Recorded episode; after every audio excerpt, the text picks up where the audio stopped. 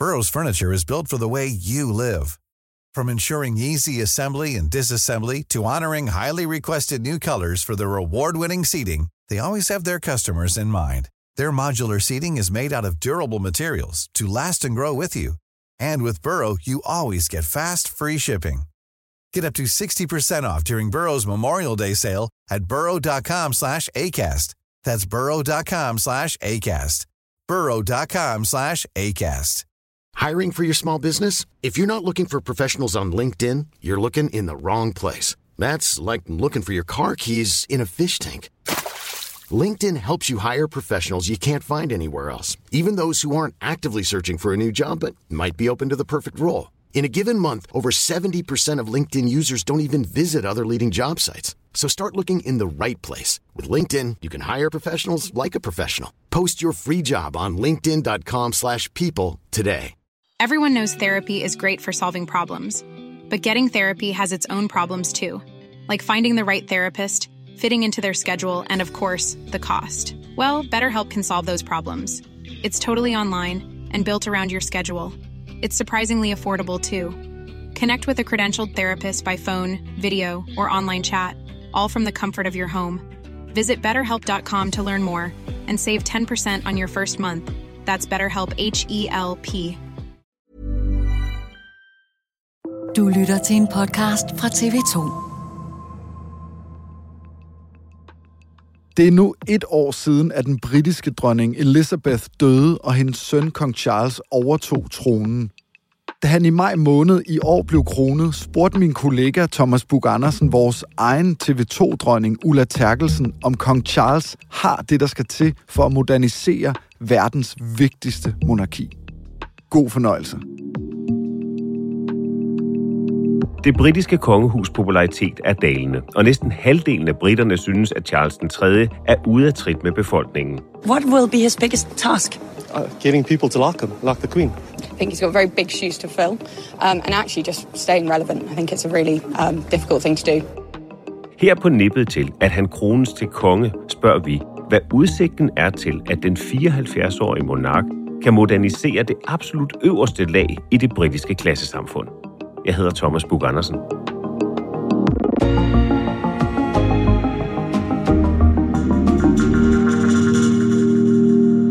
Ja, kan du komme lidt tættere på mikrofonen? 1, 2, 3, 4, 5. 1, 2, 3, 4, 5. Er hun god der? 1, 2, 3, 4, 5. Ulla, hvem, er, er det kong Charles, der er dit yndlingsmedlem af det britiske Nej, kongehus? jeg har ingen yndlingsmedlemmer. Ah, Ja, nej, det har jeg faktisk ikke. Altså, jeg synes, øh, og jeg ved, ved egentlig heller ikke, om jeg er særlig realistisk, men jeg synes, øh, institutionen, firmaet, er interessant. Jeg synes, det er interessant, at man har sådan nogle firmaer i øh, mange lande i Europa, blandt andet vores eget også, som på en eller anden måde er indbegrebet af det, som samfundet ellers øh, arbejder imod, nemlig nedarvede privilegier, at du bliver noget, fordi din far og mor er noget, og at du arver en masse slotte, og du behøver ikke at arbejde hårdt, så har du alligevel et privilegeret liv. Altså, det er sådan stik imod alt, hvad man ellers stræber imod, og så har man altså nogle firmaer, der beror på det. Det synes jeg er dybt interessant. I studiet er Ulla Terkelsen, korrespondent her på TV2. Hun har i mange år boet i London, og i endnu flere år analyseret det britiske samfund og kongehus. Er der ikke et af medlemmerne af det britiske kongehus, som du har mere sympati for? Altså, jeg var lidt vild med Harry, og jeg synes, Harry har skrevet en fantastisk god bog, øh, som man jo spiste som nougat, selvom det var lang og stor. Men så synes jeg i øvrigt også, at kong Charles er interessant. Det, der er interessant ved ham, det er jo, at han på en eller anden måde er lidt venstreorienteret. Mm. På den måde, at han øh, har det der grønne. We must rapidly realign our own economy to mimic nature's economy. Og det betragtes jo som en, en sådan lidt lefty, left-wing, venstreorienteret sag. Ja, så har han undskyldt for imperiets forbrydelser med slaverne. I cannot describe the depths of my personal sorrow at the suffering of so many as I continue to deepen my own understanding of slavery's enduring impact. Så er han helt klart pro-europæisk. Mm. Så på den måde er han jo en moderne konge. Og så det, der er det sjove ved ham, er, kan man være en moderne konge, og kan man være konge? Universitetsuddannet og med flere perioder i både flådens og flyvevåbnets tjeneste. Senere ægtemand. Far til to drenge, men så også en skilsmisse. Well, there were three of us in this marriage, so it was a bit crowded. Nyt ægteskab, nu også farfar og dybt engageret i arbejdet med klima- og dyrebeskyttelse. Og det er jo selvfølgelig kong Charles den 3., der bliver kronet lørdag, vi skal tale om. Men hvis man nu kommer og lander på jorden fra månen og aldrig har mødt øh, kong Charles den 3. før, hvordan vil du så beskrive ham? Så vil beskrive ham som en øh, mand, der har stået meget, meget lang tid i lære. Han har gået der utallige gange før, men i dag den første som konge. Han er nogle år yngre end mig. Han er 74. Jeg er 78. Jeg har arbejdet siden han var 19 i min nuværende profession. Han skal først til at arbejde nu i sin profession som konge. Indtil da har han været lærling. Så det i sig selv er meget interessant. Og så vil jeg beskrive ham som en øh, formodentlig lidt genert person. Forfinet, med forfinet smag i mad og, og vaner. Hvordan det? På den måde, at han øh, for eksempel går meget op i at være vegetar på mange af ugens dage. Han spiser ikke mælkeprodukter og kød og fisk på øh, nogle dage om ugen. Der er han altså ren øh, vegetarisk. Så der er han sådan, altså med tidsånden. Og så er han øh, moderne på den måde, at han... Øh, øh, nok er et følelsesmenneske. Det kan man tydeligt se på ham. Altså det der med den stive overlæbe, som hans forældre i meget høj grad holdt stiv, den øh, bæver lidt hos ham en gang imellem. Og det er jo meget moderne at være følelsesfuld og udtrykke sin sorg i vores dage. Og også en mand med et, øh, et temperament har man set i et par klip, som er blevet, øh, blevet lagt ud her i forbindelse med, at han har overtaget øh, tronen. Øh, et, et lidt ildre temperament. Ja, og irritabel. Altså, jeg synes, hvis vi tænker tilbage, øh, Thomas, på den der sådan, øh, signering, underskrift, mm-hmm. som han lavede, da dronningen var død. Oh God, I hate this. Got der var han inde på uh, St. James' Palace, og der skulle han skrive under på, at nu er han altså blevet konge. Og der var der så nogen, der havde gjort noget med den her fyldepen. Altså, det var ikke sådan en almindelig plastik uh, kuglepen, som den du og jeg nu sidder med her over for hinanden ved TV2's Formica-bord. Det var sådan en meget, meget fin egetræsbord, så lå der sådan en fyldepen. Men der var så et eller andet galt med den, og den virkede ikke, eller den spruttede. Og der blev han meget, meget irritabel, ikke? Og det er sådan på en måde ikke særlig kongelig at blive irritabel over, at kuglepennen ikke virker. Og den rakte han så sådan til en eller anden øh, kammertjener, og en anden lakaj, der stod, som så skyndte sig og give en anden. Men det tyder selvfølgelig på, at han har været nervøs, men øh, vi kan alle sammen blive nervøse over ting, men det er jo ikke sådan kongeligt at vise, at man er sur over en kuglepen splatter lidt. Lad os lige opholde os bare lige et øjeblik, Ulla. Hvad har hans mærkesager været, altså hvis vi kigger sådan historisk på det?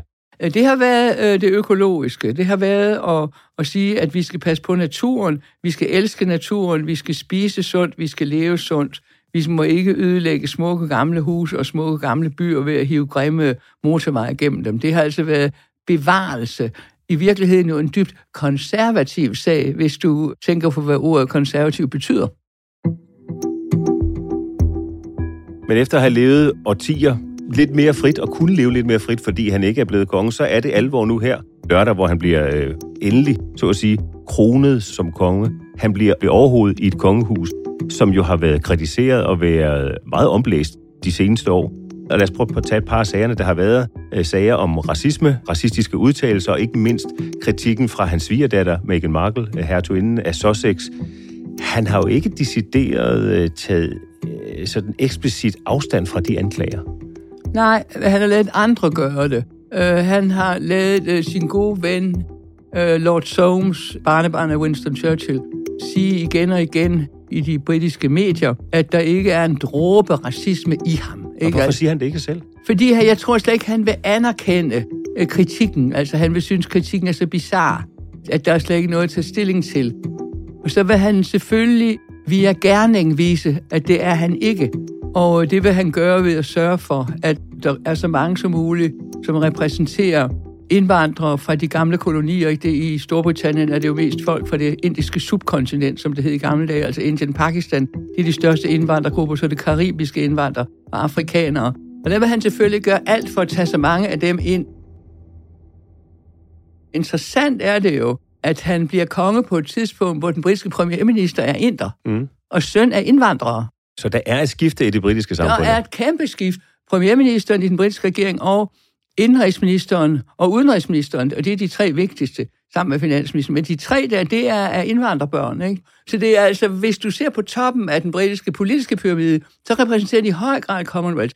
Og der skal han jo hele tiden, i måden han er konge på, tage det ind og, og, og vise forståelse over for det. Fordi det britiske samfund jo er et meget, meget multikulturelt samfund. Og vigtigt, fordi undersøgelser viser, at det er især blandt folk, som er indvandrere fra andre kontinenter og børn af dem, at man synes, at kongehus er for eksklusivt og for vidt. Ulla, der er jo en diskussion om, hvorvidt kong Charles den 3. skal undskylde for den slavehandel, som britterne har været involveret i, og ikke mindst som det britiske kongehus har været involveret i. Han har taget lidt tilløb til det. Han var i Sydafrika og antydet, at øh, man på en eller anden måde skal kigge på fortiden. Men han har ikke taget eksplicit stilling til det og sagt undskyld. Han tager tilløb, og på et tidspunkt vil han måske også sige undskyld, men så skal han jo passe på, fordi, hvad nu hvis restitution, det er jo det store nummer, øh, både i forhold til franske kolonier, i forhold til Paris og, og britiske kolonier, i forhold til London, skal de have pengene tilbage? Kompensation. Skal de have kompensation? Og hele det der restitution spørgsmål, og det gælder, øh, om de har taget taget nogle kunstskatter og smækket dem op på British Museum, øh, og det gælder i meget høj grad penge, altså om, om man kan på en eller anden måde gå ind i en proces, hvor man kan bevise, hvor meget de lande, der nu er selvstændige lande, har tabt ved at have afgivet millioner af slaver over mange hundrede år til de britiske kolonier. Så det kan blive rigtig dyrt for ham okay, at, at komme med en undskyld. Hvad, hvad har han sagt indtil videre? Han har, så vidt jeg ved, ikke direkte sagt undskyld, men han har sagt, at han bliver meget ked af det. Mm. Han er meget emotional. Han har sagt, at det gør ham ondt, og det tynger hans hjerte, og hver eneste gang han hører noget nyt om det, og hvor færdigt det var, bliver han mere og mere tungsindig og tung om hjertet. Altså, at det er et spørgsmål, der plager ham. Men altså derfra så til sådan helt konkret at sige undskyld på Altså, det er jo en kæmpe diskussion, om man kan sige undskyld øh, i øh, 2023 øh, for noget, der foregik i 1623, altså kan et land det, eller, altså det var et andet land dengang, ikke? Det er jo en lang diskussion. Men lad os lige tale lidt om det britiske kongehus rigdom. Jeg har lyst til at sige overdået i rigdom. Når man gør det op, så er det jo mere end 100 milliarder kroner. De har... Du kan roligt sige milliarder pund, tror jeg. Præcis. Vi, jeg tror, vi taler om noget med 150 milliarder kroner eller noget af den stil. Det er jord, det er slotte, det er ejendomme, det er alt muligt, de ejer, og som de nyder godt af. Og det har der været en del kritik af, særligt på et tidspunkt, hvor landet er økonomisk presset. Men det er jo vel strengt taget ikke hans skyld. Bliver han offer der for en diskussion, som ligesom at det er set oppet omkring det britiske kongehus? De har mange penge. Altså, det hænger alle sammen sammen, ikke? Altså, en masse mennesker vil sige, at øh, når han nu har de der smukke sager, som for eksempel disse grønne sager, så vil man sige, at det kan han jo nemt sige. Altså, øh, han kan nemt sige, at vi skal passe på med benzinen, fordi han bor på kæmpe store godser, hvor han bare kan færdes selv til hest, for eksempel. Ikke? Altså, han er jo så enormt rig og omgivet af hele den der landlige idyll og, og storhed, som er over de der kæmpe store godser og landdistrikter. Han ejer. Og så samtidig, så vil man så synes, at hans sådan moralisme omkring, hvor, hvor tit man skal spise fisk og kød om ugen, at det er sådan på en eller anden måde en livsstils indrømmelse til tidsånden, men hvis han virkelig ville lave om på noget, så, så har han en masse gode og materielle gode, han kunne dele ud af. For eksempel kunne han betale mere i skat, end han gør. Det er et kæmpe regnskab, der er jo lavet, bliver jo lavet løbende i den britiske presse, som jo er meget, meget kritisk. Meget mere kritisk end den danske. Og så er der altså alt det, de ejer, de der kæmpe landområder, The Duchy of Lancaster, det er jo altså kæmpe store dele af landet, som ejes af kronen. Ikke? Så ejer de jo også mange gader i London. Altså Regent Street for eksempel er ejes også af The Crown. Ikke? Altså de er enormt rige. Ikke? Og det er så, hvad de har af, jeg tror, det er 14 slotte, han kan flytte rundt imellem. Ikke? Og så har de jo også, og det må vi jo aldrig glemme, så har de også en masse kunstskatte. Ikke? Altså man ser jo, at dronningens øh, kunstskat, altså malerisamling, er den dyreste og største i verden. Louvre, glem det. Der hænger altså malerier, som er i alt hver milliarder. Det ejer de også. Altså, det er umuligt at vide, hvor meget de ejer. Man ved kun, at det er afsindig meget. Og det er jo strengt taget ikke kong Charles 3. skyld. Det har han bare arvet. Han har jo ikke betalt arv, afgift. Men formår han at forklare resonemanget eller rimeligheden i, at de er så afsindig rige? Han bliver ikke spurgt om det. Og jeg tror, at hvis han ville blive spurgt om det, så ville han sige, at det er en del af den nationale arv, og at man i så høj grad, man overhovedet kan, stiller det til borgernes tjeneste. Ikke? Altså, at du kan gå ind og se Buckingham Palace, og du kan gå ind og se, Windsor Castle, og du kan, og hele det gamle argument, som vi jo også hører i Danmark, og som jo er korrekt, som er, hvad det betyder for turismen. Altså, hvis man vil, så kan man sige, at kongehusene er et fantastisk eksempel på et lands soft power, ikke? fordi det, det giver den der magic, det giver eventyret, og så giver det en enorm masse turister. Men samtidig er det jo altså indbegrebet af, af, af noget nedarvet, og, og det er jo dybt udemokratisk. Den seneste meningsmåling, som BBC offentliggjorde for nylig, viser, at over halvdelen af britterne synes, at han er ude af trit med tiden. Der har været mange undersøgelser, som alle sammen viser, at der er en svindende respekt for kongehuset. Altså både respekt, men også interesse. Og det er jo det værste, der kan ske for dem. For en ting er, at man, at man synes, de er forfærdelige, og en ting er, at vi læ- man læser om Andrews skandaler. Men hvis man pludselig begynder at høre en høj gaben over hele kongeriget, over alt, hvad der står om de kongelige, det er jo det værste, der kan ske for dem. Det er, at man ikke længere synes, de er interessante. Men hvordan det er forklarer for du det? For det, der, det er jo få hus, hvor der er så meget drama som i det britiske kongehus. Ja, men altså, der er åbenbart en hel masse mennesker, der synes, at, at at de ikke har noget med deres liv at gøre. Ikke? Altså det, øh, en af de undersøgelser, jeg læste, som var fra YouGov, altså en officiel undersøgelse, viste, at også blandt folk øh, fra 64 og op efter, altså gamle, der var der sådan, de interesserede sig ikke ret meget for dem, eller ligefrem slet ikke for dem. Altså det er gamle og unge, der er problemer med, og så er det folk af anden etnisk herkomst, som man siger her i Danmark. Ikke? Det er dem, der interesserer sig mindre, meget, meget mindre for dem, end man før gjorde. Det er nogle ret dramatiske tal er den måde, han agerer på, den rigtige vej til at øge kongehusets popularitet? Altså, han vil uden tvivl blive set som sympatisk, og også som progressiv med den grønne sag. Men det går jo så ikke hånd i hånd med den der enorme rigdom. Det er sandelig en, en svær spagat, der skal laves der, hvor man både altså personaliserer nedarvet Øh, rigdom i en enormt omfang, og så samtidig skal opfattes som progressiv, fordi man spiser fisk og, og kød to gange om ugen, og ellers kun grønt. Ikke? Altså, den hænger ikke sammen, vel? Fordi der vil mange, der vil mange i engelske arbejderfamilier sidde og sige, det kan det godt være, at han spiser, han spiser spinat, hvor vi andre spiser et pølsehorn. Men hvad med alle de slotte? Altså, den, den hænger ikke sammen. Han er den ældste monark, der skal krones øh, i Englands historie. Han er 74 år gammel, han skal krones øh, nu her lørdag. Hans kroning er ikke helt identisk med dem, der har været tidligere. Hvordan er den anderledes? Ja, det er bare bedre lidt ned. Han skal ikke køre ned så langt, for eksempel, når de nu er, er, har fået de her kroner sat på hovederne. Men så har han også, og det er meget vigtigt, lavet om på nogle af teksterne. Som vi husker fra historien, Thomas, så er den øh, britiske konge jo også defender of the faith. Han er ligesom dronning Margrethe overhovedet for den britiske kirke, The Anglican Church, som jo er en global kirke. Han er troens beskytter, troens forsvarer. Ikke? Og det kan han så stå og sige der foran alderet i Westminster Abbey. Men samtidig siger han så også and other uh, faith. Altså han er stadigvæk den kristne kirkes overhoved, men han inkorporerer i de løfter, han skal afgive, at der også er andre religioner i dette meget, meget multireligiøse samfund. Og det interessante er jo, det er meget interessant faktisk, at i Storbritannien viser det sig, at Church of England, churchgoers og i det hele taget folk, der er religiøse, ligesom blandt danskerne, det, det, den er meget lav. Den er utrolig lav. Den går ned og ned og ned. Mens det religiøse liv, det er faktisk øh, hinduerne og jøderne og muslimerne og øh, sikkerne og hvad der findes af, af andre religioner og katolikker. Ikke? Det er dem, der er de religiøse. Det er faktisk ikke Church of England. Men dem, han mobber altså ligesom op og tager nogle flere religioner med på holdet, for ikke at fremstå som, øh, som nedladende over for dem. Så er det her i virkeligheden et lille, men vigtigt tegn på, at han er måske en mere moderne konge, end vi gerne vil se ham, eller nogen gerne vil se ham?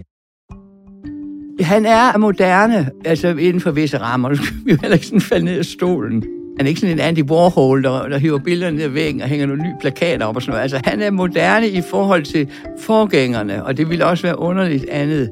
Men han repræsenterer en institution, og derfor vil jeg prøve at opstille lidt et paradoks, som er, at han måske netop udstiller institutionens fuldstændig bizarre art altså et nedarvet job, kæmpe store ejendom. Altså han udstiller, hvor, hvor virkelighed fremmedartet i vores moderne tid systemet er, altså at det er en fuldstændig overlevering. Den udstiller han på en måde ved at være moderne. Forstår du godt, hvad jeg mener? Mm. Lykkedes han med det? På en eller anden måde tror jeg det ikke, også fordi de der sager, han har, som jo er, det er jo mainstream-sager nu, Det der med, at man ikke spiser hvad som helst, og man også mm. går til yoga og slapper af og sådan noget, det er jo ikke sådan en lille freaky. Altså, da han startede med at synes de der ting, der var han meget moderne. Og man sagde, han var en af de første fortaler for økologi. Okay, og man sagde, at han talte med planter. Altså, det ved jeg så ikke, om han gjorde. Eller om planterne svarede igen, hvad ved vi. Men han var en af de første, der var på det der. Men det er jo nu absolut borgerskabets mainstream, og mange unges mainstream. Det er accepteret, men det er jo ikke ved mange, der sidder og er fattige og ikke kan klare sig, og er på ventelister hos øh, sygehusene og, og lider under inflation. De vil sige, nå, ikke? Det er lifestyle-eksklusive sager. Det er ikke sådan brede, folkelige sager, hvor egentlig man kan sige, at dronning Elisabeth med den der trut i hornen og hesten og alt det der, på en eller anden måde måske appellere bredere. Men spørgsmålet er vel egentlig, om han med sin stil og sin façon kan sætte en stopper for den faldende popularitet? Det tror jeg ikke, han kan. Jeg tror, han kan måske holde stangen. Jeg tror, dem, der i givet fald skal kunne gøre det mere populært, det er næste hold. Ikke? Det er William and Kate, det er altså hans ældste søn og dennes hustru og deres børn. Det er dem, der skal det. Og hvis man kan få sådan et system, hvor det er duksene, og så har de jo artige Harry og Meghan, der pendulerer fra den anden side af Atlanterhavet, så kan det spændingsfelt måske øh, blive ved med at bevare interessen. Det kan virke utidigt at spørge, han er 74, der er formentlig højst et par årtier til. Nej, nej, tænk på dronningemoren, hun bliver over 100. Så, øh, så han det, kan sidde længe, han kan sidde 30 år, det er mit gæt.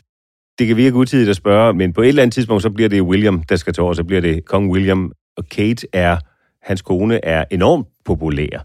Er det dem, der skal tilføre, at den faldende popularitet vender? Ja, hvis den kan vendes, så er det dem, der skal gøre det. Jeg tror ikke, øh, jeg tror ikke, jeg tror, øh, Charles og Camilla vil sådan nogen, man sådan nikker til og synes, de er meget hyggelige og, og, og moderne, og øh, det er vel nok godt, men jeg tror aldrig, de vil, de vil aldrig komme til at spille den rolle, som, som institutionen lægger op til, at monarken skal kunne. Og det var det, dronning Elizabeth kunne, fordi hun var britisk historie. Ikke? Hun havde sin, øh, hun er født i, i, altså i 30'erne, hun var med under 2. verdenskrig, hun var ambulancefører øh, under Blitzen i London under 2. verdenskrig. Hun kan huske det Empire, hun øh, kendte Churchill. Altså, der er hele det der ideen med en, en, en forbindelse til dine rødder, dine nationale rødder, the, the your finest hour under 2. verdenskrig. Alt det der, det har han jo ikke. Altså, hvad har han at vifte med? At han øh, er grøn? Det er der mange, der er. Og Ulla, hvis man vil følge dig, følge kroningen lørdag, hvad skal man så, hvor skal man så stille ind? Hvad skal kigge med på TV2, naturligvis. Det er selvfølgelig allerede fra klokken 10. Fornøjelse. Ok. En fornøjelse at have dig her, Ulla. Tak skal du have. Før jeg fortæller, hvem der stod bag den her episode, så lad mig lige sige et par ord om dato. Jeg har fra starten i november haft den store fornøjelse at være med til at lave TV2's nyhedspodcast. Jeg ved fra mails og fra andet, at dato allerede for mange er blevet en vane. Tak til holdet bag, tak til de mange medvirkende, og ikke mindst tak til dig, fordi du lytter med. Det er derfor, vi er her dag efter dag. Og det bliver ved. Men fra på mandag med Joachim Bindslev fast bag datos værtsmikrofon. Tag godt imod ham. Og så til rulleteksterne. Du kan følge hele kroningen af Charles den 3. på TV2 lørdag fra kl. 10 til kl. 16. Datos arkiv, jeg siger det bare, er fuld af tidligere episoder. De ligger i din podcast-app. Det er Leo Peter Larsen, det er Søren Valur, der med sit lyddesign lagde kronen på Rikke Rommes til rettelæggelse af den her episode. Redaktør er Astrid Louise Jensen. Jeg hedder Thomas Bug Andersen. På gensyn.